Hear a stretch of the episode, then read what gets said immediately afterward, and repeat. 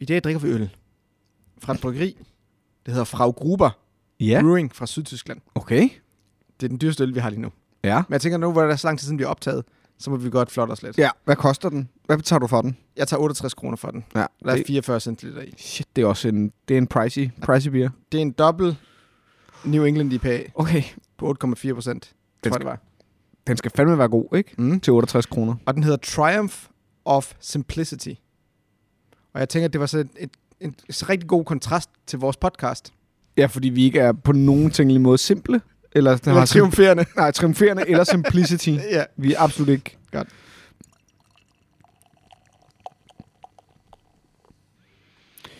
Og jeg tænker, i det navn ligger der vel også, at den skal smage rigtig meget bare af New England IPA. Ja, dobbelt. Dobbelt. Ja, ja, men det er det, den går efter. Den Ja, ja. prøver ikke at være fancy på nogen tænkelig måde. Skål. Skål. Ja, men det navn, der sætter man også bare en højde i forhold til forventningerne, ikke? Jo. Den er så også god. Den smager fuldstændig, som jeg forestillede mig, den ville smage. Ja. Men utrolig meget fylde og frugt egentlig. Den er virkelig smuk. Og ikke, øh, ikke sådan, den har ikke den der ubehagelige bitterhed, som man nogle gange kan få i nogle øh, kraftige pærer, ikke? Mm, det kunne være, jeg skulle købe en med hjem. Den her tror jeg, at min kæreste Den er vil faktisk rigtig elske. lækker. Ja, jeg tror, hun vil elske den her. Det tror jeg. Mm. Lidt sødme. Jeg kan faktisk virkelig godt Ja. lide den her øl. Det er den, en af de bedste, vi har fået, tror jeg, mens vi har været her. Nå, men vi er jo øh, lidt bagud, Ja. og det skyldes jo flere forskellige ting. Mest mig. Ja, jeg vil sige, jeg er også lidt skyldig i det. Jeg har haft sindssygt travlt på Papas. Uh, vi har haft uh, en kæmpe stor udskiftning af, af medarbejderstab af af naturlige årsager. Og du har haft en vild januar. Ja, ja, og så har Ja. ja. der været haft en del sygemeldinger, fordi det er den tid på året. Ja. Så jeg har bare knoklet løs og stået alene en lørdag aften. Øhm, Men Så- masser af gæster, der kommer og er glade Klart. på Pappers. og det er jo dejligt, Jeg skal jo ikke græde, Nej, men det er bare vel men man hårdt. kan godt græde over det er hårdt. Ja. Man kan godt græde over det er hårdt, uden at græde over, at det går godt. Forstår du, hvad jeg mener? Man Ja. kan godt dele op, hvad man græder af. Og du har været på kursus. Jeg har simpelthen været på kurs. Jeg har været tilbage på skolebænken. Er det fordi, du ikke er god nok, eller hvordan? Øh. Nej, det er jo fordi, at øh, nu arbejder jeg ret meget. Så jeg kan aldrig tage på de der kurser. Skuespillerforbund, Dansk Skuespillerforbund, som er mit fagforbund, de udbyder sådan nogle kurser. Og der var der så et kursus, at normalt kan jeg aldrig komme på de kurser, for det passer aldrig med forestillinger og prøver og sådan noget. Er det, så- nå, det er sådan noget, I får på jeres intra øh, Ja, ja mail så, ting, jamen, så kommer det ligesom ud, sådan, nu er der det her kursus inde på den der medlemsside inde på Skuespillerforbundet, ja. Ja. og så melder man sig til. Øh, men jeg kan aldrig melde mig til. Men nu kunne jeg, også fordi det foregik på Fyn. Nå. Så jeg har været på castingkursus. Det vil sige et kursus i at blive castet til film. Mm. Med en caster. Okay. Hvilket synes giver ret god mening, at en caster har et castingkursus. Det var en god måde at hyre en underviser på. Ja, men det var virkelig, virkelig fedt. Jeg, jeg blev meget, meget inspireret. Var meget inspireret. Det var nogle virkelig dejlige mennesker. Og det var fantastisk lige at være i en ny konstellation og være tilbage på skolebænken med, et andet, med en anden form for tilgang til ens fag. Det tror jeg, mange kan ikke genkende til ligegyldigt, hvilket fag de arbejder i. At nogle gange så det med at gøre noget nyt, men også lige komme tilbage til lige at, at forholde sig til nogle ting inde i en selv, og de vaner, man nu har gjort, så de tanker, man har om det arbejde, man laver og sådan noget, at det godt kan være rart at få noget perspektiv på det. Det er jo ikke alle kurser, der er lige spændende. Det her, det var så et virkelig spændende kursus. Altså skuespillerkurser har det jo med at være ret spændende, fordi man jo laver sjove ting, ikke? Danser og øh, render rundt og laver øh, fake castings og... ja, det er ikke et rigtigt arbejde, vel? Det er nej, bare en nej, hobby. det er jo det, ja, det er ja. det. Altså, så, så det er bare for at sige, at, at på den måde er det jo... Men det var en hel uge, du var afsted. Det var en hel uge Okay. om dagen. Det var derfor, det ikke rigtig... Øh, eller om ja, morgenen. Ja, ja. Så derfor fik vi ikke optaget. Nej. Øh, og så er jeg jo midt i det der huskøb. Ja. Så der er meget lige nu. Lige nu er der meget, synes jeg. Og så spiller du øh, et stykke af Om Ludvig, aftenen. Ho- af Ludvig Holberg. Ja. Ja. Den stundesløse. Vidste du godt, at det faktisk var Holberg, der introducerede dansk øh, teatertradition?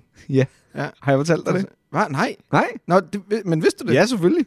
Vi fejrer ham jo i år, eller sidste år, tror jeg, var det jo 300 året for, at man spillede teater på dansk i Danmark. Ja, og det er jo Ludvig, Ho- Ludvig Holberg. Der skrev den første ja. øh, komedie på dansk. Fordi før det var alt øh, teater På tysk. Ja. Ja. ja, lige præcis. Ja, det er dig, der fortæller Er det? Nå, du driller. Ja. Så det er jo ret sejt. Øhm, om Ludvig Holberg er- er en god dramatiker stadigvæk med moderne øjne, det kan jeg ikke sige. Det er jeg for meget inde i tingene til at vide noget som helst om. Men vi hygger os, og publikum hygger sig. Har det virkelig sjovt over vores forestilling, Den stundesløse Nå, på fedt. Odense Teater. Ja? ja. Okay. Så kom forbi, hvis man bor i Så Odense. humoren rammer alligevel lidt i forhold til den måde, I øh, præsenterer det på. Ja, det ja. Ja. må den jo gøre. Ja. Ja. Jeg vil godt lide, og det er simpelthen ikke, fordi jeg vil lave reklame for Odense Teater. Nej. Fordi det gør du jo fint nok. Ja, hele tiden. Men en af mine ansatte Ja, har, er studerende ja, og har et årskort. ja. Det koster 350 kroner, for et år. og så kan du gå ind og se alt. Alt. Det er fandme sindssygt. Hvis du er under 25 eller studerende, ja. Ja. ligegyldigt hvor gammel du Ja. er, så kan du få et klub U-kort til 350 kroner. Ja. Det kan være rigtig billigt at gå i teateret. Jeg gik i biografen for nylig, og det er jo nærmest lige så dyrt som at gå i teateret. Og der må jeg så indrømme, at der tror jeg, medmindre det er en film, jeg virkelig, virkelig gerne vil se, så vil jeg hellere gå ind og se noget teater, bare fordi, at det, at det er mennesker, man på nærmest kan dufte, mm. lugte nok nærmere. Vi lugter ret meget sved. Jeg var også i biografen forleden. Ja. Altså Avatar 2. Ja, selvfølgelig. Og det er øh, og det der slog mig, det, det er fordi jeg havde vist øh, Avatar 1 til mine børn. Ja. Og den store, hun var sådan super vild med den. Og så slog det mig Avatar. Altså det er jo ikke en særlig interessant film rent fortællermæssigt, vel? Nej. det kan vi godt det er blive jo enige om. Og det- Pocahontas, ikke? Ja, så blandet med den sidste mohikaner Ja, ja, og ja. Danse med ulve, ikke? Og så Jo. videre. Men det er jo en fremragende familiefilm. Altså, det er jo en familiefilm.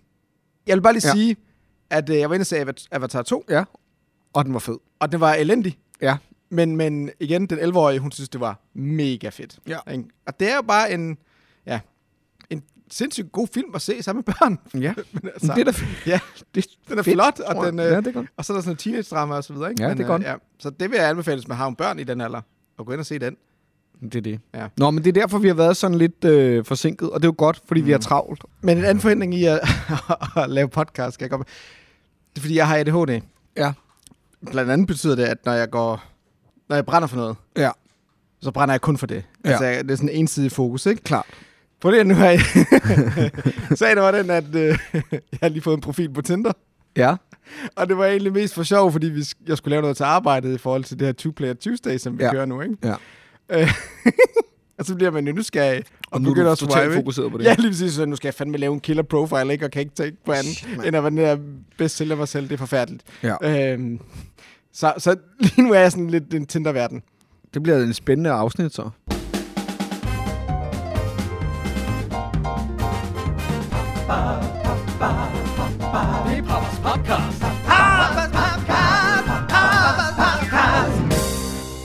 God hjertelig velkommen til Papas Podcast, episode 19, optaget på Papas Papbar den 15. februar. Oh, Mit Sidste navn er gang. Jens, og mit navn er Kristoffer. og vi snakker om brætspil. Ja, nu snakker vi om brætspil. Nu snakker vi om Før brætspil. snakkede vi ikke om brætspil. Apropos film, Ja. det er ikke fordi, vi skal gå ned, men det er bare fordi, det har lidt med brætspil at gøre. Ja.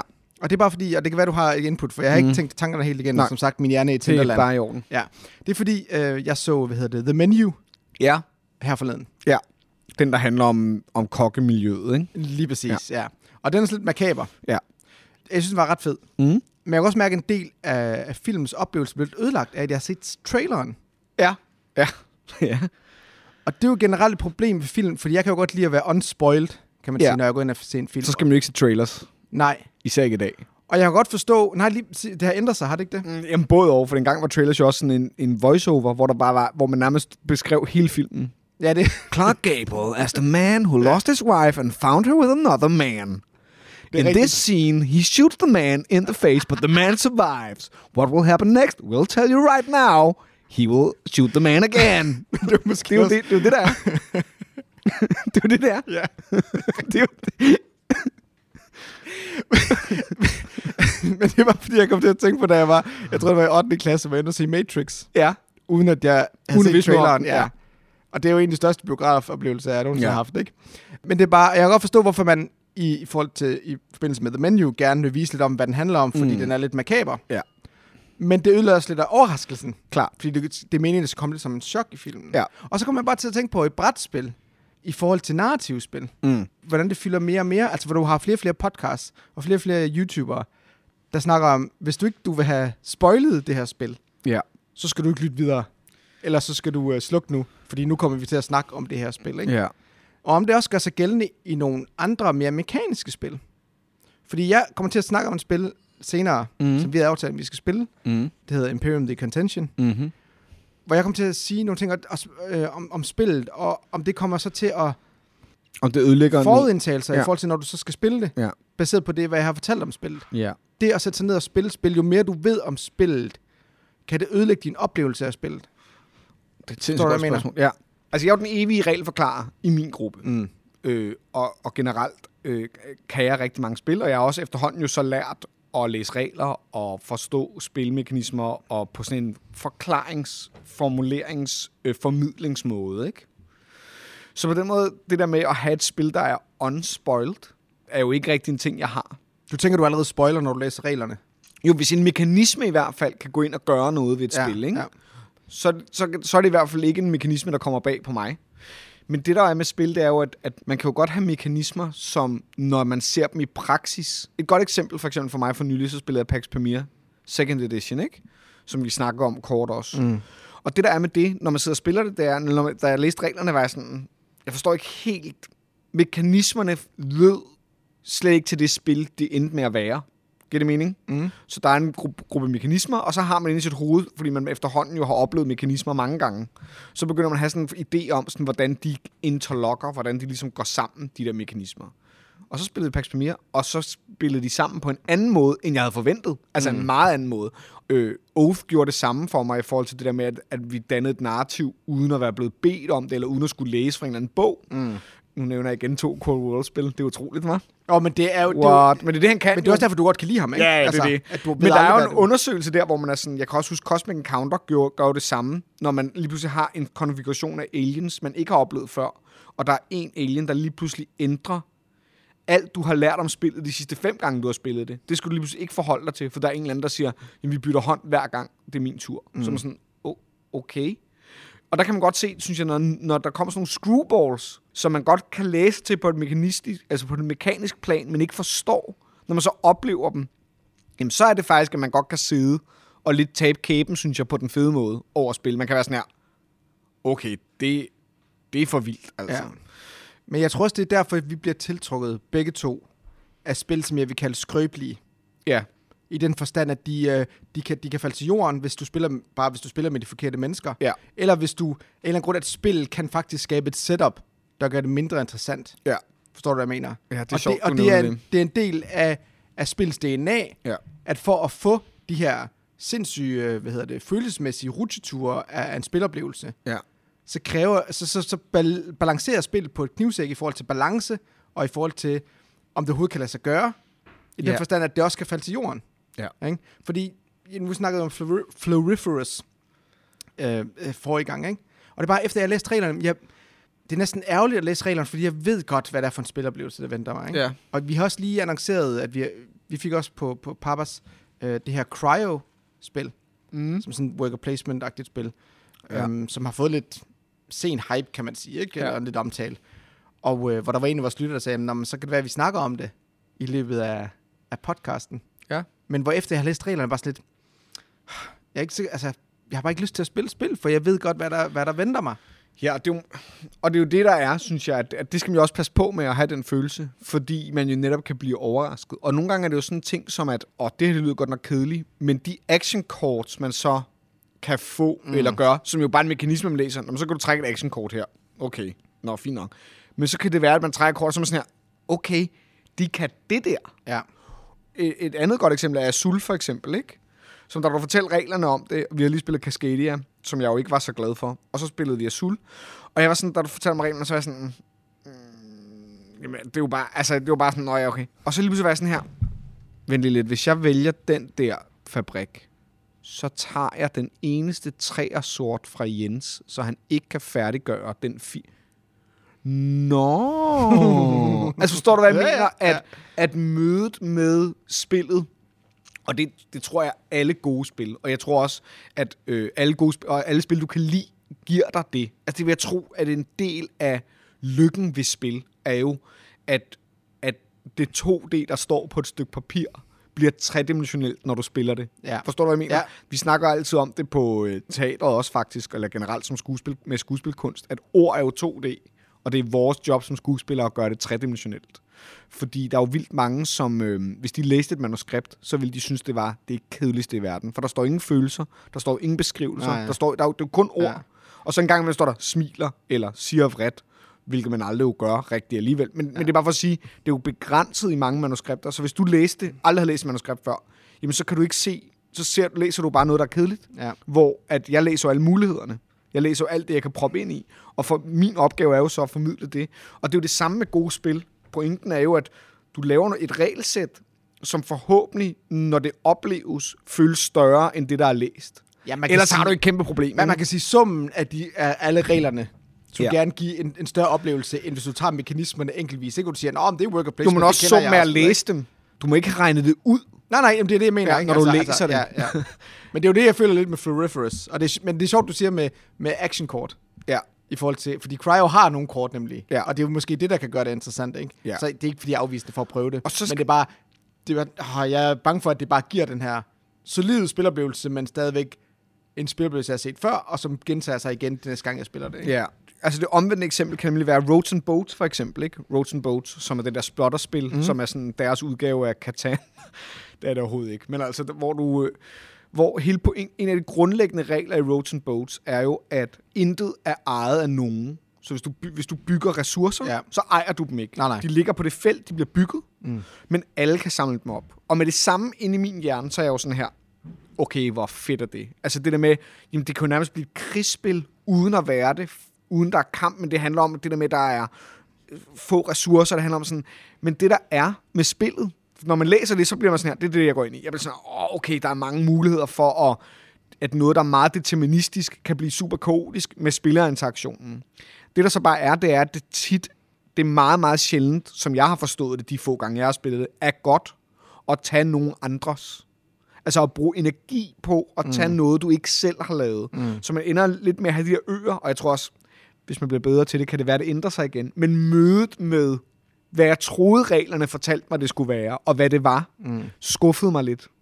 Okay. Hvor Food Chain Magnet var den omvendte, som ligesom har den samme lidt sådan, her er nogle crazy ting, hvor jeg var sådan, åh, det lyder helt vildt. Men da jeg så begyndte at spille det, var jeg sådan, ja, det er helt vildt. Det er en helt vild måde, du tvinger mig til at, at backstab, eller du tvinger mig til at gøre de her ting. Altså forstår du, hvad jeg mener? Det kan ligesom gå begge veje. Giver det mening? Helt sikkert, men, det er jo, men, men sådan lidt som Roads and Boats, som har den kompleksitet, som det har, Mm. der er det jo også bare et spørgsmål om, at hvis man er, som du siger, hvis man spiller det nok gange, Det er at så kommer der måske noget mere interaktion i den forstand, og så finder man muligheder for, på, at man kan stjæle fra hinanden, ikke? Det er klart. Øhm, ja. Den måde, jeg for eksempel bedst kan lide at forklare Betrayal on House on the Hill, Mm. er jo for eksempel slet ikke, sl- overhovedet ikke tale om det her trader-element. Nej. Bare introducere det som spillet. I går ind i et haunted house, det er et samarbejdsspil, og så sker der nogle ting og sager. Øh, og så forklare det her med, med, med de her omens og så videre. Og når det så trigger, så kommer de op til mig igen. Ja. Og så forklarer jeg lige, hvad der sker. Ikke? Ja. Øh, fordi det giver bare den største wow-oplevelse. Klart. I stedet for, at du sidder og for, forklarer allerede fra starten af, jamen det er sådan et, øh, et korspil, men så er der en, der bliver betrayer på, på et Ja, ja, ja. tidspunkt, som så skal spille mod de andre osv. Ikke? Hvis du venter med den afsløring, så Ja. ja. giver det bare en meget bedre oplevelse. Det er Jamen- det samme med Epidemic-kortet i Pandemic. Jeg Ja. forklarer det aldrig. Nej. Så når I trækker sådan en grøn kort, Så bare sig til. ja, også fordi for mig at se, handler det ikke om at forberede folk på at vinde, eller altså forberede folk på at klare det godt i Pandemic. Altså helst, ellers vil jeg gerne have, at de taber. Ja. Så hvis jeg mener, at de kan klare en lidt højere sværdesgrad, Så vil du hellere gøre det lidt sværere for dem, så de Lige taber præcis, ja. måske. Ja. Og så når I vender et grønt kort, så kom lige op og hent mig, hvis jeg, Ja. ja. hvis jeg har god tid i caféen den dag. Og så skal jeg nok lige forklare, hvad der sker. Så siger de, wow, what? Så kommer kortet tilbage igen. Og, Ja. ja. videre, ikke? og så får de en meget sjov oplevelse. Fordi jeg kan godt lide den her folks glæde ved at opdage noget nyt, ja, det er det. som de ikke havde forventet. Ikke? Det er det. Ja. Jamen, det- jeg er, he- jeg er helt enig. Betrayal er sådan et sjovt eksempel, synes jeg, fordi det apropos skrøbelige spil, ikke? Oh, ja, Det er nok, ja, det, ja, skrø- det, er nok det skrøbeligste spil, der nogensinde blev designet, fordi det er sådan, når du spiller Betrayal, så er det i håbet om, at du får den en ud af 10 spiloplevelser, som er fantastiske, mm. og som få kan slå på en eller anden måde. Mm. Ikke? Men for det meste får du det der 9 ud af 10, hvor der er så meget betrayal, for eksempel det der med, så står der i reglerne, der kommer til at være en trader. Og så kan jeg huske, inden de første gang, jeg spillede det, det var på min, tilbage på min efterskole, og man havde ligesom fået forklaret, der kommer en trader. Så kom den her trader, så gik traderen ud for at læse sin egen bog, og vi sad og læste vores, og så stod der, der er ikke nogen trader. Men vi var sådan her, de snyder os. Spillet, snyd, spillet snyder os. Så vi, lod, vi troede ikke på, at der ikke var en trader, fordi vi forstod ikke ligesom, vi har ikke lavet, vi var også unge, ikke? vi har ikke ligesom lavet ja. Ja, den ja. der ting, men når der står det, jamen så overruler det den idé om, at der er en trader. Vi var sådan her, det må være snyd. og vi kunne ikke spørge den person, der har læst sin egen, vi kunne ikke spørge, står der, der ikke er nogen trader i din, eller det var bare sådan, jamen der er så mange ting, der kan gå galt. Og apropos spoilers, så nu kommer der så en spoiler. Fordi jeg vil gerne sige en sidste ting om Betrayal, apropos det der med spiloplevelser, som faktisk var en af de sjoveste spil, jeg har haft af Betrayal, men måske også sådan, altså virkelig sjovt spil. Vi, øh, en af mine venner havde købt Betrayal Legacy, Har du spillet Betrayal Legacy? Nej, nej. Nå. Har du noget, må jeg spoiler det for dig? Nej, ja, nej, nej, det er fint. Okay, der kommer en spoiler til Betrayal Legacy, så hvis du ikke har spillet første mission endnu... Nu er vi blevet nogen af dem, ikke? Jo, jo. Nå, Så skal du... nå jamen, det ja. synes jeg da. Eller skriv det i show notes. Ja, Ja, ja. ja. Lad være med at lytte med. nu. Altså, Ej, gå det videre. fortæller vi nu, ikke? Nu fortæller jeg, at der er en Ja. spoiler. Ja. Mm. Mm. Der er en spoiler. Gå i hvert fald et minut længere hen. Den første mission, der får man at vide, at der er en, der er en trader i det der legacy. Man er sådan en familie, man mødes, og så render man rundt. Og vi begyndte, og vi havde super paranoia, hver gang man rykkede ind til hinanden, så var man sådan, at det der er der er traderen, det der er traderen. Alle var sådan, okay, hvem er der, der er traderen og sådan noget. Og vi endte med at gå og slå på hinanden, og der var en, der slog en anden ihjel, og vi blev enige om, det må være ham, der er trader. Han var sådan, det er ikke mig, og, og, og så finder man ud af til aller, aller sidst den mission, at der ikke var nogen trader. Men at spillet har designet missionen på en måde, så det virker som om, der er en trader. Så Jo, også fordi, og det er jo faktisk fedt, fordi de også bruger ens Ja. forventninger til spillet, Ja. baseret på Og den- grundspillet, i forhold og til, at den der må være en trader, ikke? Og den siger også, der er en trader. Ja. Ja. Altså, den siger i missionen, den, den laver dobbelt, og det kan jo kun gøres én gang. Mm. Du kan kun have den oplevelse én gang, og det, der var så sjovt, det var, så spillede vi de næste missioner, og de var slet ikke lige så spændende. Nå. Nå, forstår du, hvad jeg mener? Nå, fordi det er jo, også, det er jo virkelig også at fyre alt fyrkeriet af første Ja, ja, mission nu. ja. Det er jo virkelig øh, øh, vildt. Men den der paranoia, vi oprigtigt havde over for hinanden, var bare super... Øh, du var bare super godt lavet. Ja. Altså, it worked. Altså, det var virkelig, virkelig, virkelig fedt. Ja. Ah, det, er- det er fedt at spille også på metaen i forhold til grundspillet, ikke? Jamen, det, det, det, det er genialt Ja. tænkt. Det var virkelig, virkelig veldesignet. Ja. Ja. Og jeg ved, det er sikkert også faldet flat, fordi det er det der er med Betrayal, det er jo, at så falder det, så falder det til jorden for en anden gruppe, ikke? Men Mm. mm. vores gruppe der var virkelig sådan, vi var virkelig på røven over det. Altså, vi var sådan, okay, det, det er altså fedt. Og rende rundt, jeg kan huske, ude i en skov og sådan noget. Og sådan, du må ikke komme efter mig. Og sådan, jeg skal efter dig. Altså, det var virkelig, det var virkelig vidunderligt, altså. Fantastisk. Nå, spoiler slut. Jeg har lyttet til et øh, Papstinens-afsnit. Ja. Det er ikke første gang, jeg lytter til et Papstinens-afsnit. Nej. Men det her afsnit af Papstinenser handlede om brætspil, der ikke er brætspil. Ja. Og øh, det har affødt nogle diskussioner inde på Papsnak-gruppen inde på Facebook. Ja. Og øh, det er ikke, fordi jeg vil ind- gå ind i den diskussion overhovedet, Nej. for det er slet ikke min øh, intention. Men i det her afsnit, der hvad hedder det, taler Peter Brix, en af værterne. Ja. Det er sjovt, fordi jeg, det er også ham, jeg kører spil af øh, ved Asmodee. Ja. Og øh, han- der snakker han om øh, Camel Up, Ja. som man ikke mener er et brætspil. Ja. Fordi der ikke rigtig er nogen rigtige beslutninger. Men der er et brand, og det er et spil. Men, øh, det er ikke... Hvor- Ja, yeah, jeg vil ikke ind i den diskussion. Nej. Nej. Nå, men jeg har ikke hørt afsnittet. Så, så det er bare for at sige, Nå, ja, okay. det var bare mig, der lavede en joke. Mm. Mm. Jeg ved slet ikke, hvad... Det er bare fordi, jeg har nemlig spillet Ready, Set, Bet. Ja. Ready, Set, Bet er jo det her betting hestevedløbsspil, Ja. som har fået sindssygt meget hype. Ja. Det er ud- øh, udgivet af AEG og designet af John, De klæder, ikke? ja, som har lavet Space Space, ja. Ja. og det her, øh, øh, han lavede Mystic Veil, Ja. og Dead Reckoning, det her piratspil, kæ- kæmpe store mm-hmm. Mhm. Kickstarter-spil, som brugte det her Mystic Veil øh, card sleeves til at ændre Ja. på kortene og så videre, ikke? Men Ready Set Bet er så det her hestevedløb real-time betting game, Ja. hvor man ligesom skal forestille sig, at man er på travbanen, og så er der ni heste, der løber om kap, og så kan man i real-time bette på dem, som øh, løbet ligesom skrider frem. Ja. Og, øh, og man kan spille spillet på to forskellige måder. Ja. Der er simpelthen en spiller, der er announcer, Ja. og som ruller med To terninger. to D6, ja. Ja. og så gør man det ligesom relativt hurtigt. Og den hest, den ruller, det nummer, den ruller, at den hest, der rykker Lige sig. præcis. Der er en Ja. syverhest, Ja. så den ruller, den, den rykker op hver gang, Der man bliver ruller rullet syv. syv. Ja. Og så er der en øh, 6 og en 8 hest, og en 5 og 9 og en 4 og en 10 og så er der så en 2 3 hest, ja. Ja. som, ruller, som rykker på 2 3, og så, hvad hedder det? En 11-12'er hest. Lige præcis. Ja. Og det, der så er ved spillet, det er, at jamen, så kan man sige, at syveren vinder jo så nok de fleste af løbende. Men jo mere usandsynligt et tal er, Ja. jo flere bonus moves Får har den. en hest. Ja. Og en bonus move bliver triggeret, når du slår samme tal to gange i streg. Okay, så hvis du slår 11 eller 12 to gange i streg, Så rykker den hest, også selvom du ruller 11 en gang og 12 næste gang. yes, ja. så ruller den, he- øh, løber den hest tre ekstra felter. En anden mulighed for at spille spil, det er så, at man bruger en app, Ja. hvor du har den her plade, hvor hestene rykker på, den har du simpelthen på appen. Ja. Og så er der sådan en øh, Anna- en glad announcer. glad announcer, ja. øh, og så rykker hestene bare på skærmen. Du bruger for eksempel tablet, du kan også smide det op på dit tv-skærm osv. Ikke? Ja. Og så alle andre spillere end announceren, eller hvis du spiller med app, så alle, andre, alle spillere, de har sådan, sådan nogle betting chips. Der er sådan største del af brættet, det er sådan et kæmpe stort bræt, Mhm. mm-hmm. fyldt med sådan nogle felter. Det ligner lidt sådan et roulettebord. på en eller Lige anden præcis, ja. måde. ja. Så et casino, øh, ja. Ja, casino betting. night. Ja. og så er der nogle øh, chitonger, som du så kan placere på alle de her felter. Og langt de fleste Klar. felter, der handler bare om, jamen øh, vinder hesten, Og, øh, eller kommer den nummer to, eller kommer den nummer tre. Klart.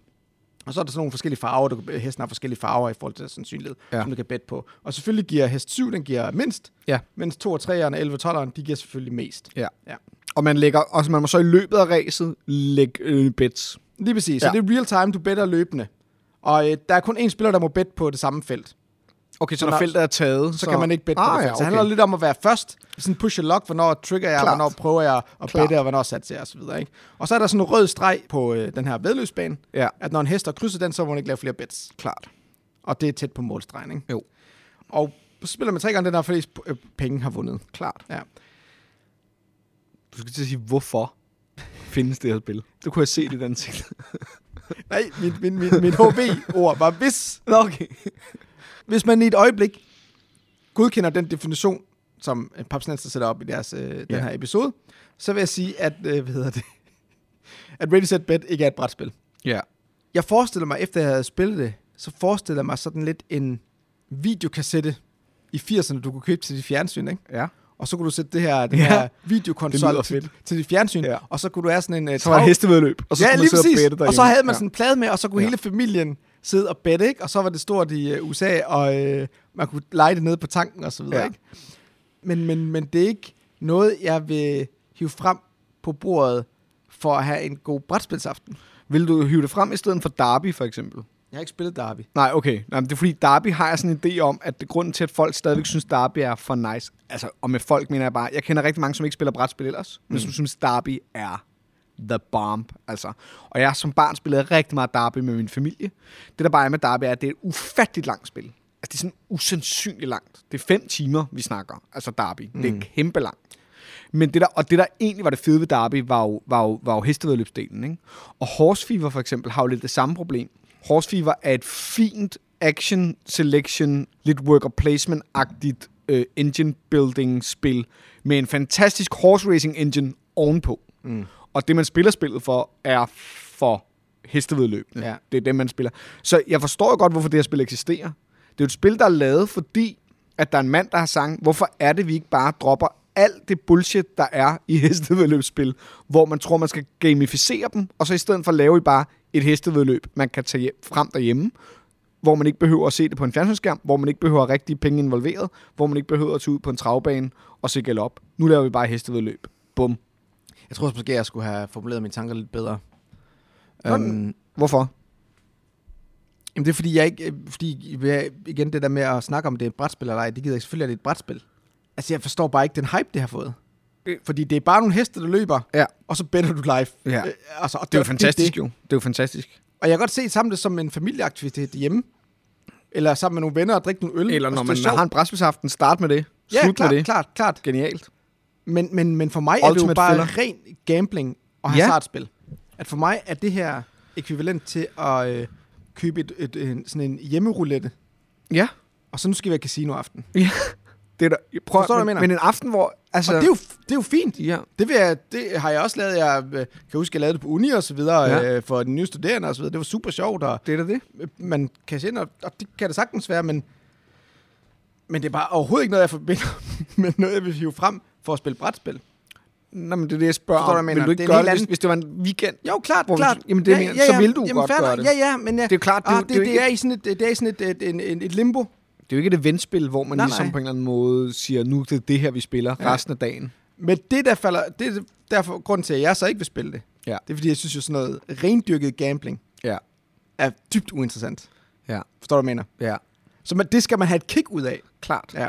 Og som de spillere, jeg sad og sp- øh, spillede med, nu var jeg announceren og så videre, ikke? og prøvede ja. virkelig at lave den her travbanestemning, og, Ja. ja.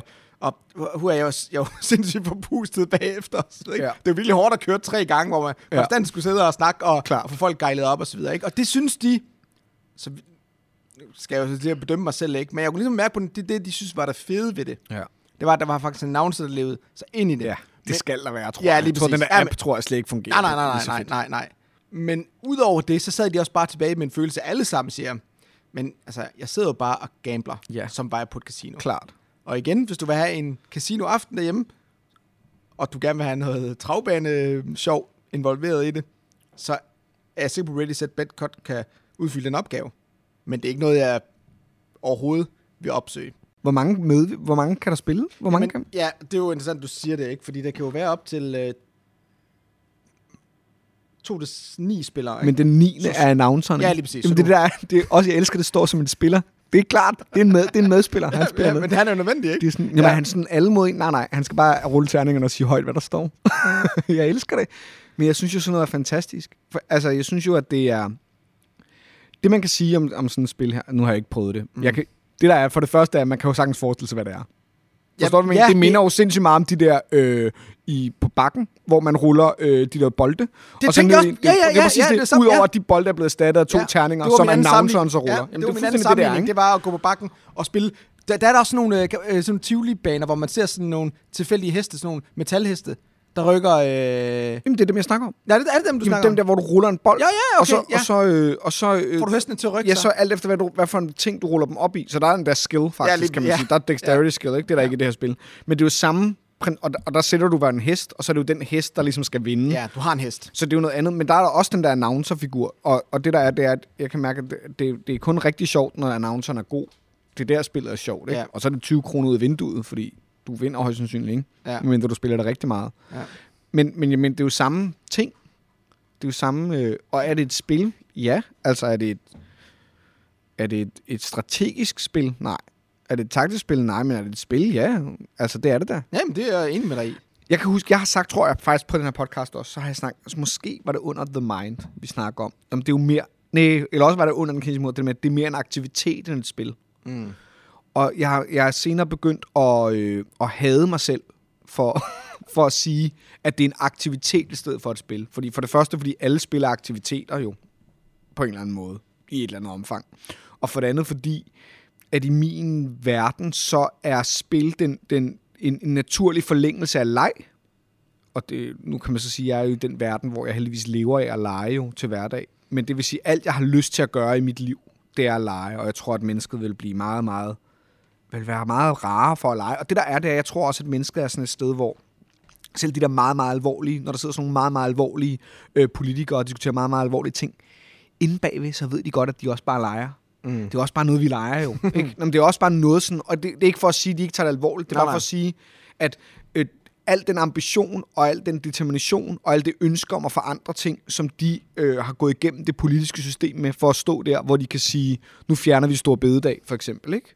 Det er jo noget, som tænder dem grundlæggende ind i deres lille barn fra starten af, ikke? Og det er jo det, som, øh, som spil og leg jo er den, er den ultimative øh, udtryk for. Det er jo sådan voksne mennesker, der leger. Åh, oh, vi leger, vi er på et rumskib, eller vi leger, det er et hestevedløb, eller vi leger, vi har en, bygger en have, eller laver en naturpark. Mm. Og så kan det godt være, at vi propper konkurrence ned over det, og det gør vi jo i mange spil. De fleste, langt de fleste spil. Øhm, at vi propper konkurrence ned over det, at vi definerer nogle regler og sådan noget. Men, men, men det, men dem, der for eksempel nyder at spille Cascadia, jeg tror ikke, at, at nydelsen kommer af at prøve at slå sin egen rekord. Jeg tror bare, det er, et- det er en sideeffekt. Det ved jeg ikke. Det kan jo godt være, at der er nogen, der bare synes, det er vildt fedt og virkelig, virkelig øh, nørde Cascadia-strategi og taktik, indtil de slår deres egen rekord. Men jeg tror, det er jo Det tror jeg nydelsen. bestemt. Jo, jo, det forstår jeg godt. Men jeg tror også, det, det, det er en grund til, at, at det er de der dyr og det der tema, der ligesom har ramt dem og gør, at det er det, de vender tilbage til. Mm. Der er jo noget i dem, som også synes, det er sjovt at bygge det der bjerg og bygge den der skov. Og, og det er jo det samme, som jeg faktisk synes var sjovt i Cascadia på en eller anden måde. Ikke? Det, er jo, det er jo at, at bygge et lille... Jeg kan godt lide ideen om at bygge sin egen lille... dy- dy- dy- dy- dy. Men bare lige for at vende tilbage til spillerantal. Vi spillede det syv spillere, ikke? Ja, Hvor jeg så var med den dig. syvende. Ja, altså seks spillere, Ja, og så er dig. ja. Og udover de her, hvad hedder det, at bette på første, anden, tredje pladsen på de forskellige heste, ikke? Ja. Så er der tre forskellige varianter, du kan spille med. Ja. Så der er nogle øh, prop bets. ja. Det er for eksempel sådan noget med, at... Jamen, skal vi se. Sådan noget med, at syveren er foran femeren og nieren, når, øh, Når, når ræset når røde er slutter. så slut. Ikke? Og der er alle mulige forskellige sådan nogle øh, prop bets. Og så er der sådan nogle øh, special bets, og så er der sådan nogle special abilities, som øh, hver spiller kan have, Ja. som giver en mulighed for at bet på en anden, anderledes måde osv., ikke? og som Ja. ja. har, har nogle fordele for, for de andre. Og det er meget sjovt osv. Problemet er bare, at det her board, det er sådan en standard ticket to ride størrelse, måske endda lidt mindre. Klart. Ikke? Det skal være større. De her prop bets, det er sådan nogle små kort, hvis man kender ticket to ride, det er almindelige. Ja. ja. Og de ligger så øverst oppe i, øh, hvad hedder det, øh, På brættet. på brættet, ja. Ja. ja. Og det vi oplevede, hvis du sidder ved et almindeligt bord, det er faktisk, at der er nogle af spillerne, der er svært ved at faktisk at tyde de her. Ja. Og øh, selvfølgelig, hvis du spiller det rigtig meget, men det samme spiller går op i dem, det er Ja, ja. ja. jo ikke et dygtigt spil. Jeg ved ikke, om det er et spil, du kommer til at dyrke. men problemet er, det er faktisk svært for nogle spillere at se de kort, Ja. og derfor deltage i de her bets, Ja. i kontrast til de folk, der sidder tæt ved de her kort, og som Klart. tydeligt i løbet af spillet kan se, okay, Jamen, så må de jo Det er mage, det. jo. Hvad Så må de siger jo du? op og stå, jo. Jo, jo, men jeg kan bare... Det er så, så, så er det sådan lidt, okay, men er det et spil så, hvor man alle sammen skal stå op i de her tre runder? Mm. Hvis man ikke står Og- op i Ja, hestevældøbsspil, så er det jo gået galt, Og jeg jo. ved godt, ja. Men det er bare, det er også derfor, at det er et eventspil, der kræver noget meget særligt Ja. ja. af det venue, man spiller det i, og den Ja. ja. setting, man spiller det i, Klart. ikke? for at det overhovedet fungerer. Ja. Ja. Det er det der med at ko- komme til rent fysisk. Ja, det er det. Til de her bets, Så skal man hvor du skal skubbe. placere. Ja, jeg ved sgu ikke, øh, ja. Men det er jo sådan, et- det er også lidt et spil, der sådan kalder på, du ved, sådan at man, man forstørrede den der op, og så hang man den op på en kæmpe planche, og så i stedet for at spille banko hernede, ja. Ja. så spillede man det her. ja. Altså, forstår du, hvad jeg Ja, mener? ja. Altså, det er sådan... Jeg ved, der er på sådan nogle sportspops, der laver de jo sådan noget, hvor de laver sådan nogle bets på resultater. Så står det op på sådan en, så har man sådan en kæmpe, hvor, hvor man også sådan... Det er jo også ren gambling, jo. Ja. Ja. Øhm, men det er jo det samme, den ja. Ja. der stemning, der opstår, når ja. Ja. folk sådan... Men det siger mig bare ingenting. Ja. Ja. Og det er det, jeg er overrasket over, at det her spil, det har jo fået virkelig meget ros, ikke? Og sådan lidt, men det er jo fair nok, hvis du godt kan lide at gamble og Jamen, jeg bette. tror, det er Nej, men simplicity. lad mig lige snak- ja, ja. Ja, selvfølgelig. Men, men det, det, det er jo fair nok, hvis du godt kan lide de her casinoagtige spil, hvor du bare skal bette på et tilfældigt øh, udfald af nogle, øh, nogle heste, der løber. Men, men i Winner Circle har du også den her simplicity. Men samtidig har du sådan et skift af alliancer i forhold til...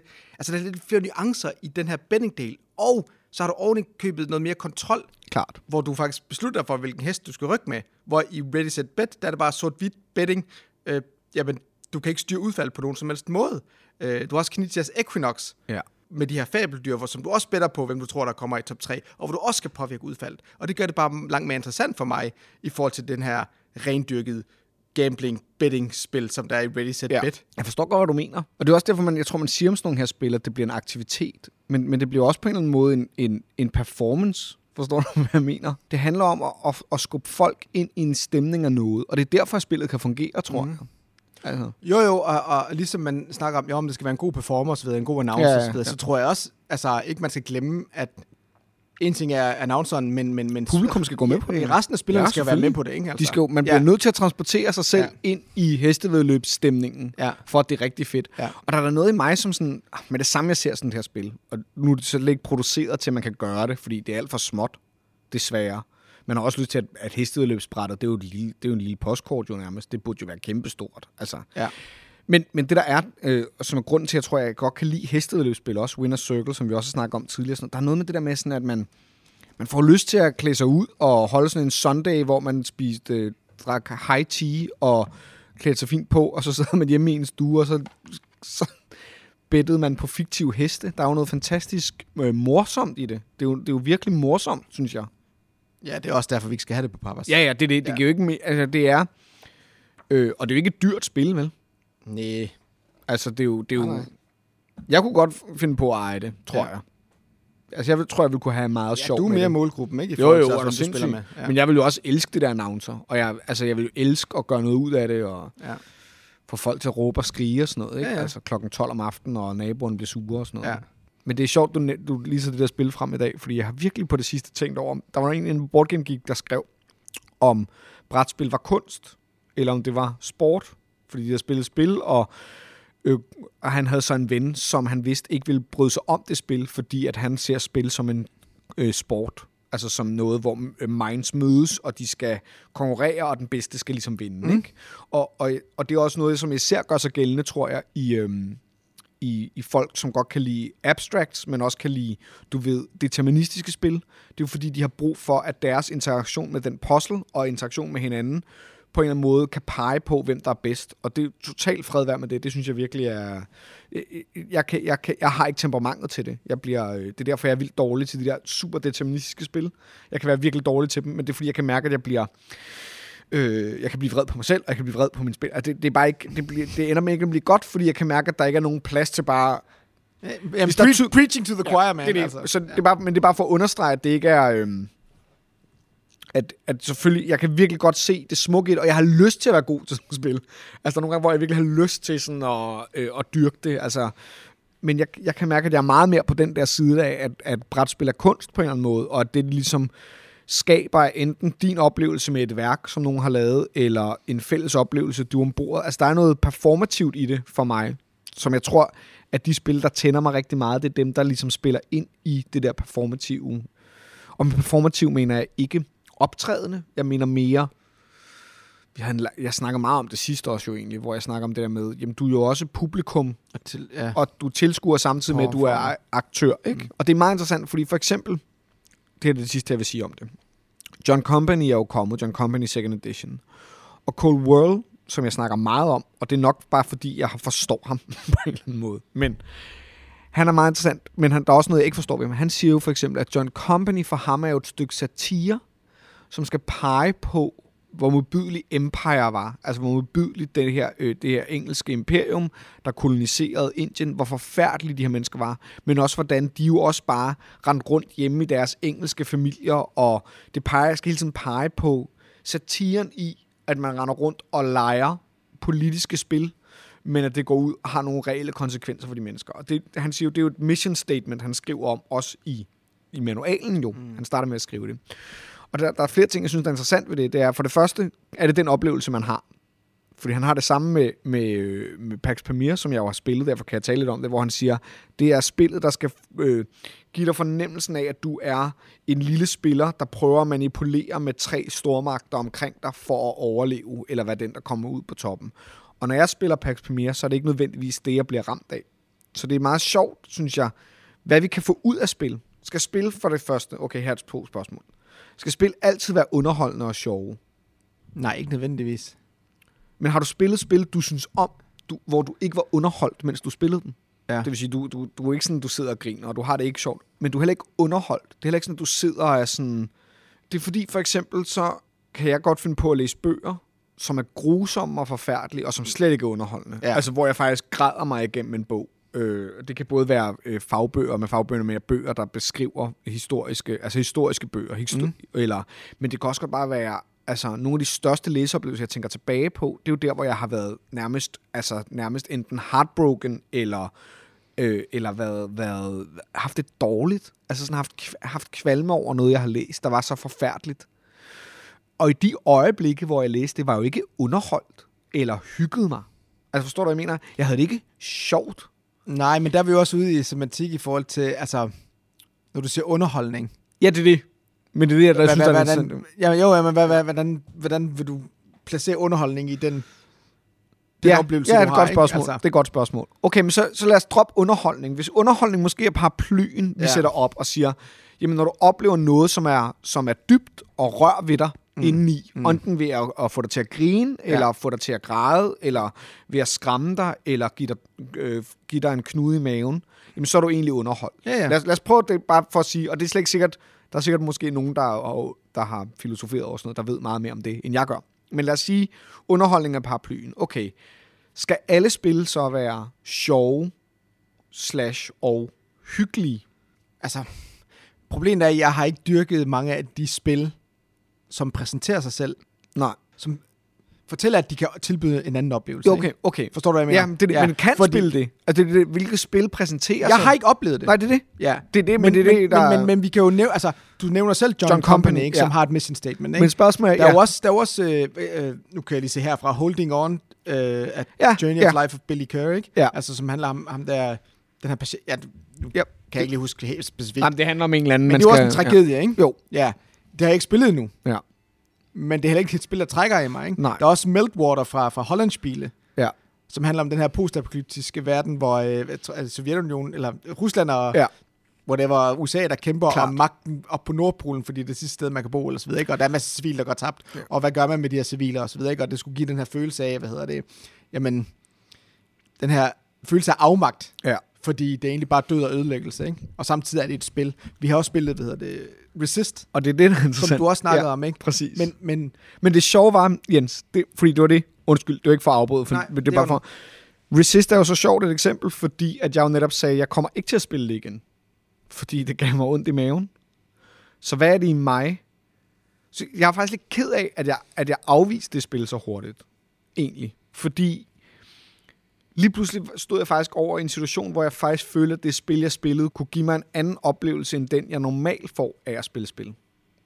Altså her vil jeg ikke bare sætte mig med en øl og hygge mig og tænke ikke nærmere over det. Øh, og jeg gik hjem og begyndte at læse om den spanske revolution, så det er jo også sådan, det har jo givet mig et, et perspektiv, jeg ikke troede, jeg skulle have.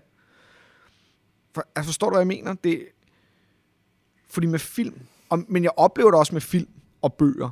Jeg skal tage mig sammen, hvis jeg skal læse noget, der er hardcore, eller hvis jeg skal gå ind og se en film, jeg ved er tung, eller beskæftiger sig med nogle tunge moralske dilemmaer. Jeg vil jo, i- det, de, mest, de fleste aftener ender jo med at sætte en eller anden dum komedie på, som jeg måske endda har set i forvejen, fordi jeg bare skal have noget sukker. Jeg skal bare have et eller andet, der bare lige... Og jeg skal også bare lige, fordi jeg, jeg skal i seng lige om lidt og sådan noget. Altså det der med... Jeg har fandme mange gange set en, begyndt på en film, og så tænkt sådan, ej, jeg er også for træt til at se noget, der sådan behandler det her emne. Hvilket er virkelig fjollet, fordi det er jo der, der ligger nogle, nogle, nogle store oplevelser. Og jeg synes, det er fint nok, hvis spil for nogens oplevelser er netop den store puzzle. Altså det der med at at blive klogere, øh, eller øh, dyrke øh, dele af sin, øh, sit resonemang, eller sine strategiske evner og sådan noget. Altså det, der kan, jeg kan se mange værdier i spil på den måde. Altså jeg kan se sindssygt mange. Øh, men hvis man i et øjeblik anerkendte bare sådan blank, altså fuldstændig, at spil var en kunstform, eller det, det er kunst, hvad skal det lære os som mennesker? Kan det lære os noget, som ikke bare er, det kan lære os om en historisk konflikt, eller det kan lære os om at hygge os, eller det kan lære os at blive bedre til at lave Tetris, eller... Giver giver det mening? Ja, det giver mening, men jeg kommer nok også bare fra et sted, hvor de spil, som jeg så har haft bekendtskab med, der har haft, Ja. der har, eller der har forsøgt Ja. at fortælle noget andet, eller give en anden spiloplevelse, Ja. der har jeg ikke kunne... Øh, altså, jeg får ikke samme oplevelse fra Resist. Nej. Og Altså, jeg ved, simpelthen- jeg, jeg, jeg stiller mig hele tiden spørgsmål om, hvad det skyldes. Ja, klart. Når jeg for eksempel læser Space Biff, Ja, han er et gang- godt eksempel. Ja, men hver gang ja. han, han, han skriver, skriver om spil og anmelder spil, så, har- og han skriver også, han skriver også essays og så videre, ikke? Ja. Ja. Om, om, om, om tematikker i spil, Ja, ja, ja. og, og øh, især om kolonialisme og alle mulige andre ting, sådan nogle ting, der, der, der, Ja. ja. der, der, der rører ham, og som han synes, det er vigtigt at diskutere i forhold til spilmediet. Ja. Men jeg synes, spil som medie er en rigtig, rigtig, for mig at se, dårlig, hvad kan man sige, formidler, Ja. når det kommer til, fordi jeg får overhovedet ikke de oplevelser. Det er det, der er interessant, ikke? Jeg ved ikke, om man kan kalde det en skuffelse over mig selv, Mm. men jeg føler lidt, at der ligger sådan implicit i, hvis ikke du kan se det, Mm. hvis ikke du kan se, hvad det spil prøver på rent tematisk at gribe, at det Mm. mm. ikke bare er et spil, men det faktisk prøver at få dig til at tænke om over ting. Ikke? Klart. At jeg føler, jamen, er det fordi, jeg intellektuelt ikke er med Mm. mm. overhovedet på det, hvad spil prøver på, ikke? Det tror jeg slet Og man føler lidt, at når, man så, sidder- når vi så sidder og laver podcast, og vi skal prøve at, Ja. ja. at virke, som om vi fandme har styr på, hvad vi snakker om, ikke? Og så lidt, altså, det rører mig overhovedet ikke. Nej, det Forstår er du, det. hvad jeg mener, ikke? Mm. Og er det, fordi jeg, så- er det fordi, jeg ikke er kognitivt i stand til ja. at se bag de her lag af mekanismer, og se, hvad det vi- spil virkeligheden Mm. mm. prøver på? Fordi jeg er su- super interessant, interesseret i at prøve Meltwater. Ja. Men jeg er 99 sikker, sikker på, at jeg ikke kommer fra spillet med en eller anden større forståelse af menneskelig tragedie, og det vil sige at, at træffe beslutninger som magthaver eller sådan noget, som har øh, konsekvenser for en masse civile osv. Ja. Ja. Eller hvad spillet nu prøver på, det er det, der, Ja. ja. som har forstået, at det er det, det Ja. fortæller. Ikke? Ligesom jeg i Resist ikke havde en sådan der, nå, hold da op, det var civil, det gik ud over dengang, ikke? Og hvor Mm. føler jeg, jeg har det, det rammer mig et eller andet sted i maven eller sådan noget, ikke? Altså, jeg, det rammer mig bare overhovedet ikke. Nej. Ikke som film og som bøger, Mm. nej, Nej, som nej, jeg nej. kan blive helt uendelig Opslugt af. ja, og berørt af. Ja. Ja. Så meget, at jeg faktisk øh, er nået til et punkt, tror jeg, også fordi livet er, s- der tilbyder så mange andre ting i den Ja. virkelige verden, at jeg faktisk forsøger at undgå de ting. Præcis. Fordi jeg, livet byder på så mange følelser og så mange rutsjeture, Ja. at, at når jeg ser film, så, så gør jeg det faktisk for ren underholdning. Altså, jeg, jeg, ja. jeg, jeg, jeg er gået hen, hvor jeg i mine unge dage, der opsøgte de her ekstreme følelser, Ja. og de her, øh, som virkelig, altså, fuckede med mig, ikke? Mm. hvor jeg på mine senere år, eller hvor jeg er nu, der synes jeg, livet byder os på så mange sindssyge ting, Mm. at øh, når jeg så øh, dyrker film og bøger, så har jeg bare brug for noget tom underholdning. Mm. Og jeg er egentlig, jeg synes, det er svært at indrømme, fordi jeg føler synes, det lidt, giver at god det, mening. ja, men jeg føler lidt, at det, det er øhm, kulturelt sådan lidt øh, fattigt. Ja. Eller I hvert fald samfundet fortæller mig det, Ja. at hvis ikke jeg kan se dybden, og hvis ikke jeg opsøger de her ting, Ja. så er det jo fordi, du ikke har nok person, altså, at der er noget personligt Ja. ja. udvikling i at se de ting. Klar. som jeg går glip af. Ja, ja, jeg forstår fuldstændig. hvad du mener. Bare lige for at sige det, altså som en, der jo, kan man sige jo, beskæftiger sig med noget af det her til hverdag, ikke? Og som jo tyd, jeg, jeg, jeg spiller nogle gange teaterforestillinger, hvor jeg virkelig føler, at jeg berører noget, som er, hvor jeg kan mærke, at jeg selv udvikler mig, men hvor jeg også kan mærke, at jeg møder publikum, som også udvikler sig, ikke? Og så nogle gange, så spiller jeg, som jeg gør lige nu, spiller jeg en Holberg-komedie, som måske, hvor det hele er lidt mere letkøbt på en eller anden måde, ikke? Og det er fint nok. Det, er jo- det, det, der er ikke noget, der er galt, der er ikke noget, der er forkert i den måde, og jeg har det præcis på samme måde som dig. Nogle gange kan der komme perioder i mig, hvor jeg er sådan her, åh, nu læser jeg bank med den her klassiker, fordi jeg bare har hørt den her, og så bliver jeg fuldstændig opslugt og ramt, og, og jeg ændre, kan faktisk ændre sådan, det der er, at man kan faktisk ændre sin verden mm. ved at læse ja, litteratur, ikke? Ja. Ja. eller se en film, synes jeg, som er virkelig smuk. Og det, jeg har ikke noget svar på det. Jeg har bare brug for at åbne op for, jeg tror, jeg kommer til at vende tilbage til det her. Klart. For det fylder også noget i mig, at jeg, jeg elsker det her øh, medie, og alle de gange, jeg har spillet, alle de spil, jeg spiller, der spiller jeg jo for at have det sjovt og hyggeligt. Og jeg spiller for at have det hyggeligt. Jeg tror, det tætteste, jeg kom på at have sådan nogle ret store følelser, er sådan noget med at i gymnasiet spille diplomacy. Og oprigtigt hade en anden person, indtil man ligesom spillet var slut. Altså, at, at den måde diplomacy bygger sig selv op på, skaber faktisk reelle øh, fjendtlige relationer. Giver det, giver det mening? 100%, og det synes jeg ja. er interessant. Ja, det er det. Den kan jeg godt Det er, jo lide. det, det er jo det tætteste Ja. ja. på, kan man sige, at komme på noget, som er noget andet end bare hyggeligt Ja. eller underholdning. Og, og når jeg siger hyggeligt, mener jeg øh, overhovedet ikke øh, forkert, for det er derfor, jeg spiller spil. Fordi jeg hygger mig. Ja. Og kæft, jeg synes det, da vi spillede Darkest Dungeon forleden, ikke? Igen.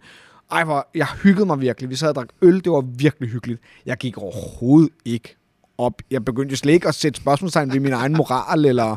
For, Nå, forstår du, hvad jeg mener? Ja, ja, ja, ja. Og Darkest Dungeon kunne egentlig godt, synes jeg, grafisk set invitere op til det. Og måske er det fordi, det, er ko- at meget af det er konkurrenceelementer. Måske er det det. Måske er det fordi, at man ikke... Det var der nemlig nogen, der skrev den tråd der. Vi, vi kan lægge et link til den i show notes. Det er måske meget sjovt at læse. Den, ah, den der tråd om det er art eller sport øh, brætspil. Det kan vi måske lægge op i show Nå, notes. nå, du har Fra en- Board Game Geek. Nå, ja, den, jeg snakker om, jeg har læst. Men der er nemlig nogen, der også begynder sådan, jamen altså, øh, at for, at for dem er det jo, øh, er det jo netop konkurrence, eller en, en social aktivitet, Mm. mm. eller en, altså det der med, øh, at kunst, at det skal gå ind og, hvad er det, hvad er det for en kunst, hvad er det for et kunstsyn, det så i så fald er? Hvad er det, det prøver at sige om den menneskelige eksistens, som jo i bund og grund, tror jeg, hvis man skulle tage den mest sådan, helikopterperspektiv, at det kunst skal kunne på en eller anden måde. Mm.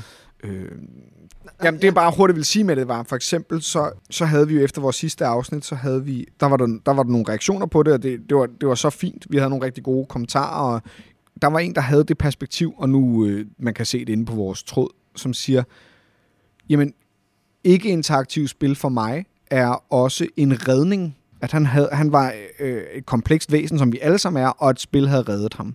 Og jeg tror faktisk, det startede hele min tanke om, hvad det er, spil kan. For det første tror jeg, at jeg tror jeg også, han selv er bevidst om, er, at det, det er jo ikke fordi, at han har spillet et spil, der forsøger at redde ham. Han er blevet reddet af det at spille spil. Ikke? Og jeg kan så meget genkende det i mig selv. Øj, hvor var der mange ting i mig, der faldt på plads, da jeg fandt ud af, det her er en måde, voksen Christoffer kan blive ved med at lege på. Åh, hvor var det smukt. Øh, fordi jeg savnede at lege, og jeg har jo også gjort det med teater, kan man sige, så på den måde. Men jeg, ej, hvor har jeg brug for det i mit liv. Jeg har brug for lejen. Jeg har brug for, at vi sætter os om nogle fælles regler, og vi udfordrer hinanden på alle mulige forskellige måder. Eller vi udfordrer os selv, eller vi udfordrer det spil, vi spiller. Øh, Jeg synes bare, det var smukt. Øh, Jeg synes også, det... Øh, og det er ikke, fordi det skal blive følsomt, men, men jeg synes bare, at når, når jeg så læser reglerne på John Company, som jeg ikke har spillet endnu, og Cold World har en klar erklæring om, hvad det er, det skal kunne, så er jeg også sådan, okay, men er det så ikke også mit ansvar, når jeg skal lære de her regler fra mig, at åbne folk op for den, at det ikke lige så meget en del af reglerne, som mm. mekanismerne er. Mm. Fordi er vi, er vi blevet for gode til bare at skøjte hen over mekanismerne, og er mekanismer det eneste, der definerer brætspillet? Forstår du, hvad jeg mener? Det, det tror jeg ikke, folk er enige i, fordi art gør også. Og artwork. Men hvis vi nu dropper artwork, så alle spil var abstrakte. Jamen er spillet så kun summen af dens mekanismer, eller kan der ligge en intention bagved, som hvis udtalt ændrer måden, vi interagerer med mekanismerne på? Ah, det er interessant. Forstår du? Ja. Og det er jo der, kunst opstår. Mm. Det er jo, når vi oplever noget, som personligt rykker os et sted hen. Altså, det må være, grund, det må være grundpræmissen i kunst. Og hvis spil kan det for nogen, så er jeg ligeglad, hvad det er for et spil, det er, om det er Ludo eller om det... Men det er bare smukt. Men det er der, hvor jeg mener, at det er mekanismernes opgave, og hvordan det vil have mig til at spille, at det er gennem mekanismerne, lad mig fortælle den her historie. Ja. Forstår du, hvad jeg mener? 100 procent. Fordi designen fungerer så Ja. ja. fantastisk, at vi automatisk kommer ud i de situationer, hvor vi gør de ting. Ja. Ikke? Hvor, du, hvor du snakker også om diplomacy, det der med, at du kan blive vred på folk, mm. Mm. du kan blive uvenner. Ja. Ikke? Hvis man nu siger, at det der, øh, det er vel lidt første verdenskrig, ikke? Det Jo, prøver- det er sådan, jo, det ligger den tid ja, ikke lige før præcis. Første Verdenskrig. Ja, lige præcis, ja. ja. Så hvis hele ideen er, jamen det er fandme bare folk, der er vrede på hinanden, og sure på hinanden, det er det. og hader hinanden, Ja. der går i krig med hinanden, ikke? Jo. At ved spil, så skaber det igen mekanismerne, fordi de er så ondskabsfulde, fordi de får det her op i os. Ja. Jamen så er det, jeg kan mærke, okay, så gør det noget ved mig. Men det er den, den her sociale interaktion, får nogle følelser op i mig selv gennem mekanismerne, som gør, at jeg interagerer specifikt med mine ja. medspillere på en specifik måde. Ikke? Det er det. Men det er også derfor, jeg tror, at, at det begrænser, hvad spil det kan fortælle for mit vedkommende. Ja, i hvert fald, hvis vi beholder os i brætspil, ikke? Fordi Jo, jo, rollespil er jo ja, sådan en klart. anden Ja, ja, størrelse, ja, men jo. det hænger Ja, sammen for ja. mig på en eller anden måde. Jeg forstår det godt, men det du som samtidig siger, Jens, som jeg synes er spændende, det er, at du siger, vi, kan jo også godt, vi to kan godt lide skrøbelige spil. Og med det mener du spil, som kan falde sammen.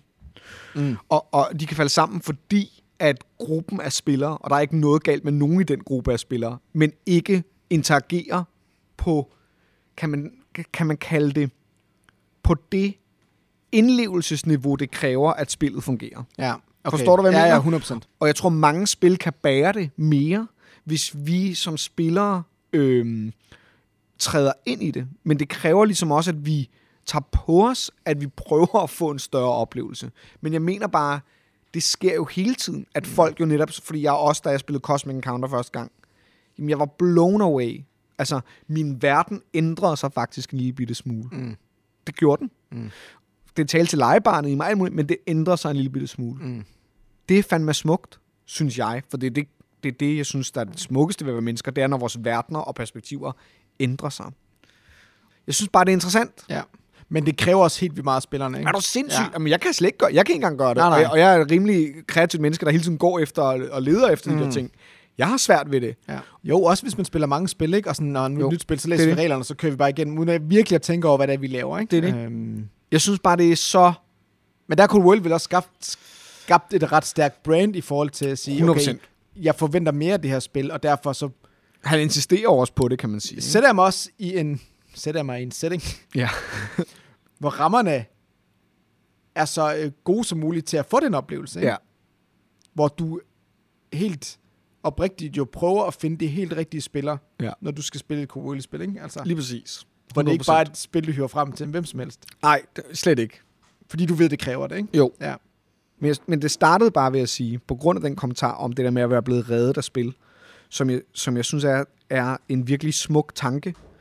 Hvis spil kan det redde nogen ud af, om det, det handler om, at de kan udvikle sig, eller det handler om, at de bare f- finder en måde at være i verden på, der er rar og øh, vidunderlig og magisk. Jamen, altså, sindssygt mand. Det kan noget, ikke? Og, og det tror jeg også, at jeg selv har oplevet, at jeg er blevet reddet af spil.